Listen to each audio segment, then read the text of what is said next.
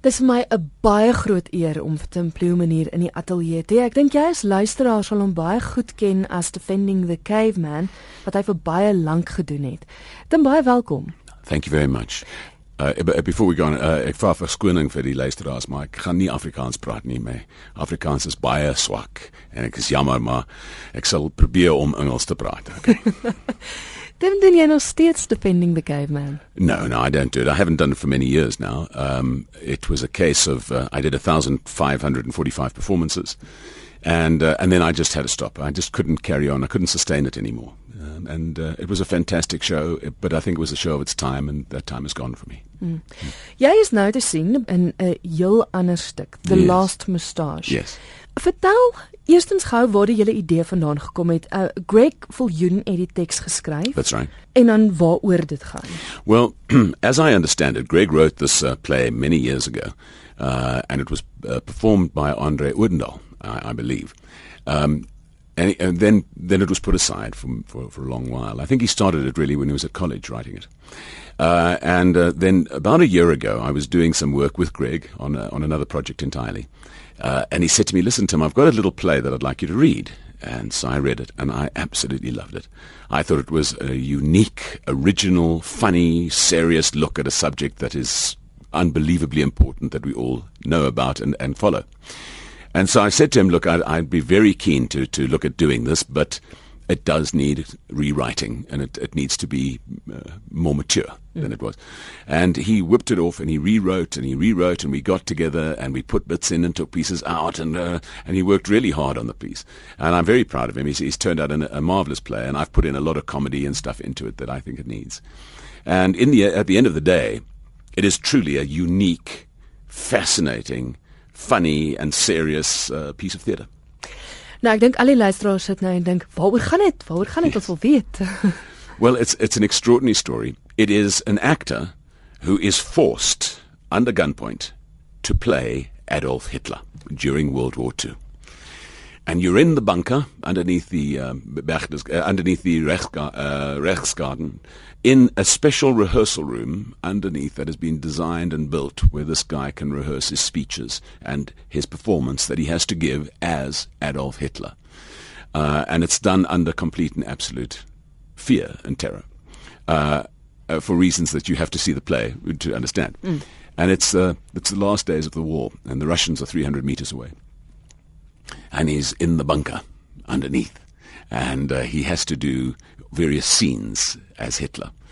Uh, and um, it's very funny because what you're hearing is you're hearing what a common man's interpretation of the leaders of the time is. Mm. And it's very relevant to today in terms of what people are here and what is real are very seldom the same thing.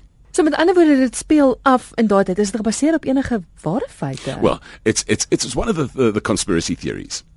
Uh, there are numerous theories, obviously, going around Hitler. He was such an iconic megalomaniac you know, that um, there were many theories. One of them being that, in fact, Hitler was killed during the war, uh, and that's what this this follows. It, it, follows that theory, and in order to keep the war going, they had to have Hitler, mm-hmm. and so the Nazi Party got and invented him and created this guy to be Hitler, but totally under their control and it's that it's that conspiracy theory that this that this little play, uh, The Last Moustache, uses as its premise to exist.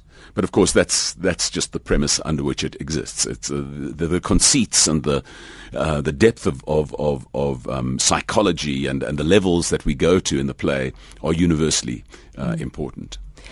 Maar dit moet vir jou as akteur moeilik wees want jy as Tim moet 'n ander akteur speel wat Adolf Hitler speel. That's right.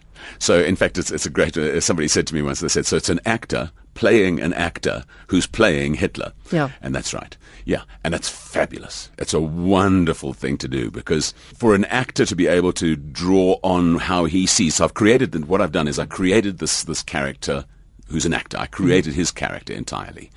Uh, and then him sinking into being Hitler is another journey that you go on. Of course, he other plays. He plays Goebbels, he plays Himmler, he plays various other people during the show. He plays the director. Um, it's a one-man show, so all of those characters come popping out, mm. and he plays. I mean, he plays Ava, which is an hysterical scene of Ava and Adolf up in the Berchtesgaden, yeah, having a little vacation, uh, and uh, it's a really funny bits and pieces. Uh, but that's a fascinating process and um, mind-bending to get yourself around. Uh, that you have to play an actor who's playing that. So it's mm. that three-step thing. It's great fun. Ek dink hy is een van die mees gehate mense op op aarde, ja. Adolf Hitler. Hoekom dink jy moet mens die toneelstuk sien? Is is dit omdat mense hom in 'n ander lig sien of, of Oh no, no, no listen. Uh, he, he, we say, you know, it's one thing to play the most recognized homicidal maniac in the world. Mm. Uh, in the play, we're not. This is not. Please, be under no misunderstanding. This is not glorifying Hitler. It's quite the opposite. Uh, but what it shows is it shows the megalomania. It shows the what power does to people, mm. uh, and, and uh, if you claim true power, uh, what you're capable of of doing in the name of the people, which is extraordinary. You know, I mean, Hitler did what he did in the name of the people. The people hated it, ninety percent of them, mm. but that didn't matter because he was in power. And uh, it's that that I, I think is so relevant today. And also, it's funny.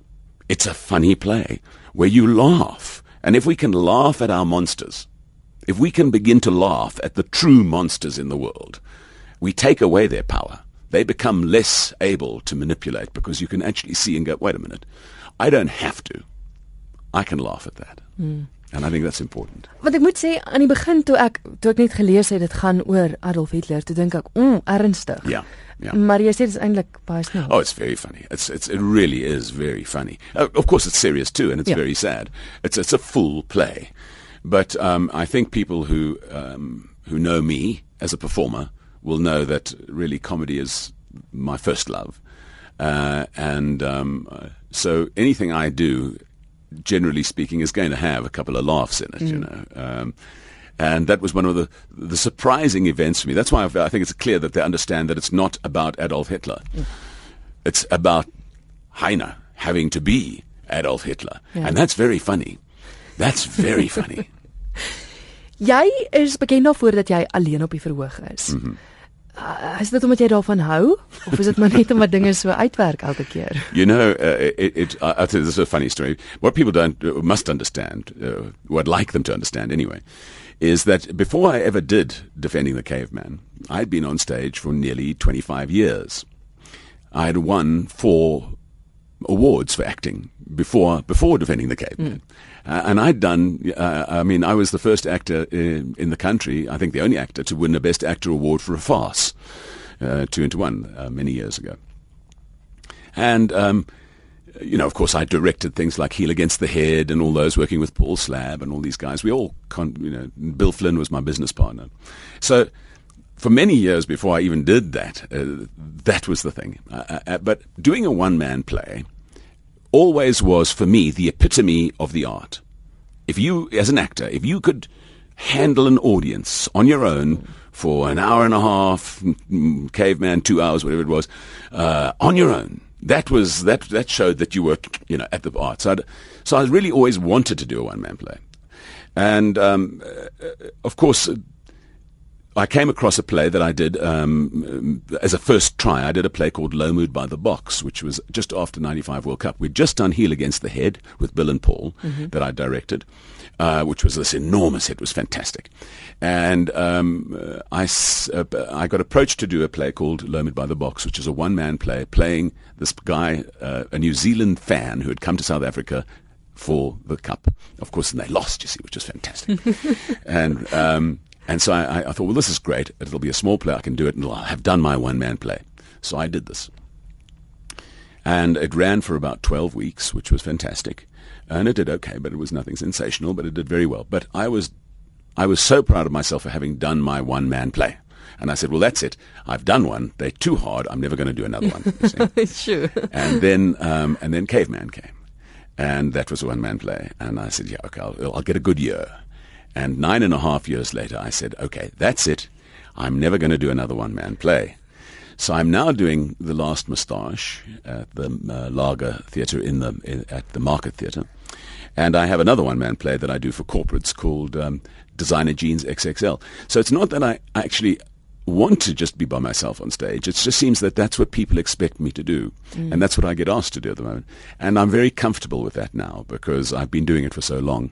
Um, and it's a genre that you have to understand. You have to, you have to understand how to be on a stage. It's not a stand-up comic. That's not what I do, but how to be on a stage and create characters and move an audience um, to control the pace, the timings, and all of that by listening. Well, that's an art in itself mm. that you have to develop as a to do one man shows. And so uh, it's a great challenge. It's always a great challenge. Nightly is a, an enormous challenge, uh, and and I think I enjoy that.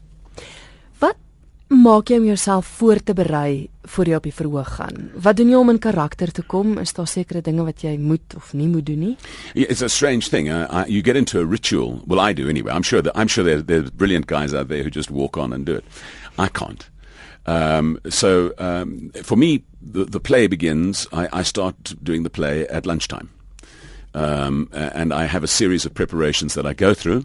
Uh, uh, in terms of rest and all the rest of the things, and and when you eat. Mm. Uh, so I, I, for example, I, I only eat. Um, uh, I have my last meal before the show at five, so I don't eat, uh, you know, before then. Mm. So, um, and then um, I get to the I get to the theatre uh, an hour and fifteen minutes before the show. and I go through warm ups and I go through lines that I wasn't happy with, and I slowly put on the the makeup uh, and the hair. And not that I wear much makeup, but I have to obviously have the Hitler hair and all of the rest of it. And um, and it's a slow process of honing yourself down from the busy days and all the things. You know, I mean, I do a lot of things, other things during the day. Uh, and it's the idea of clearing all that stuff out and honing it down till this one thing that you're going to concentrate on for the next uh, one and a half hours or one hour, 15 minutes. And it's going to be you and this group of people. Mm-hmm. And so you have to really bring your mind down to that. And I find it's that it's that beginning to focus on a single project or a single line of focus of this character. And that's what I that's the, well that's my preparation for it. En die ding is ook jy's alleen op die verhoog. Dit is so dis nie asof as jy 'n afdag het, jy op iemand anders kan staat maak of ja. jy's So, alleen, yeah. yeah. And that's one of the frightening things, or and one of the great things, I suppose. Um, I remember I did I did a play um, after I'd done I've done well I've done hundreds of plays, uh, uh, but after doing a one man show, when you go back to doing a play with other people, mm.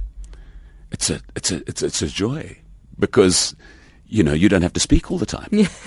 I, I, mean, there's weird things. I mean, I keep having to remind myself to breathe in a one man play because you speak. In a, in a normal play, I speak, and then you speak. Mm. And while you're speaking, I breathe. But in a one man play, you speak all the time. Ja. You know. Ek wil sommer vra oor oor die woorde ook. Ja. Dit is 'n magt om woorde, want soos jy sê, dis net jy wat praat. Mm. Het jy 'n maklike manier van hoe jy die woorde in jou kop kry? No. No, I wish there was. I, I must say that um, I, am getting, you know, as I get older, I think it's the process perhaps comes harder. I, I was blessed, very blessed with with a, a, brain that could just soak up words. My very first play I ever did was a play called Happy Birthday. I'm talking, you know, 120 years ago before the Rinderpest. Uh, but uh, I was given 48 hours to get on to playing a leading role in a farce because oh. uh, an actor dropped out. And um, I said, okay, I'll do it. And I learnt the entire play and all the moves in 48 hours, and I was on. I had the ability um, to just soak up lines, absolutely soak up. It would drive people up the wall. I'd be working with Rex Garner, my dear friend Rex, who's now in London, of course. Yeah. Uh, 96 is Rex. But Rex used to hate me because we'd come in for rehearsals and I'd do three readings. Just, you know, you read the play three times and then I'd put the book down because I know it. So I just had that ability to soak up lines. Uh, I do find that um, as I'm getting older, uh, those that ability is is withdrawing somewhat. Uh, and I like to refresh myself every day. I try and sit down and I try and run before the show. Uh, part of my process is that I run the lines that you know the parts of the of the play to to get the brain going and all of that, and to refresh myself for the lines that aren't there. So. Um, it's a learning lines is such an individual thing. Um, I mean, I know actors who write the whole play out. So what they'll do is they'll sit and they'll write it, uh, you know, handwritten, not typed, handwrite the play, and that's the way they learn it. Uh, so there's various hmm. ways, yeah. But for me, it's it's just been a case of listening to myself say the words really, and then you remember them. Jy het nou genoem dat jy ook 'n korporatiewe produksie doen, 'n yeah. 'n eenman vertoning, maar ek verstaan jy het ook 'n boek geskryf. Yes. Baie goed doen. Yes. Yeah, no, I have a I have a, a book out at the moment called uh for lack of a better title, it's called Fitness for Old Farts. and it is a, a, fitness book. It's a very funny book about a very serious subject, which is um, getting fit and getting to shape. Uh, it's uh, it's uh, it reached number seven on the bestsellers list, which I was really proud of. The first printing sold out completely in in two months, and um, they had to rush a second printing, which we're in now, I think. Uh, and it's a great book. It's a book about people over the age of fifty getting fit. Uh, uh, the stories are really funny. It was inspired with, uh, funnily enough, by my great pal Bill Flynn, who died at the age of 57, mm. and at that time he was my business partner. Mm. And um, you know, I thought, what a waste! This is a great actor, one of the you know South Africa's greats, and there he was, 57, gone. Uh, and um, so I was inspired to write this book, uh, which I, I, have ended. I've been going to gym since the age of 37, I mean, 39 rather, and uh, just to be fit enough and strong enough to do the shows that mm. I do. Uh, but then I had this thing where I gave up smoking after 30 years. Uh, ate lots of sweets, but going to gym, and then I tore the meniscus in my left knee, which meant I couldn't actually go to gym anymore. And in a period of uh, of a year, I went from fit to fat. I was suddenly the old fart that I'd always laughed at. And at that point, of course, Bill had his heart attack. And it was such a wake up call. And I thought, we can't let this happen. Mm. And then my friend Jonathan Rands, also age 57, uh, heart attack, um, uh, heart problems, and died. And I thought, this is wrong. This is just absolutely wrong. And every exercise book that I see has got some 20 year old muscle bound, you know, on the cover who's yes, lifting 500. And I thought, this is not for me. This is a, so I went ahead and, uh, and, and researched and did and, um, with Cliff Mayerson, the trainer, put together programs for guys from fat to fit. So you can be any age and this book will tell you how, tell you when, it gives you diets, it gives you recipes, it does all that, but the stories in it, the stories are very, very funny. Ek moet sê die boek werk, hoor, jy lyk goed. well, thank you very much. Yeah. Dim gepraat van the last moustache yeah. waar jy nou te sien is, dis by die Markteater. Tot wanneer toe is jy nog daar te sien? We're at the Market Theatre for I think it is another 2 weeks until the 1st of September in the Laager Theatre. Uh 8:15 Tuesday to Saturday and we have a 3 o'clock matinee or 3:15 matinee on a Saturday. And it's a fabulous play. I really, really fabulous play. I I hope that the, the listeners come uh, to see it because they will have a, a, a unique and fascinating and great evening out.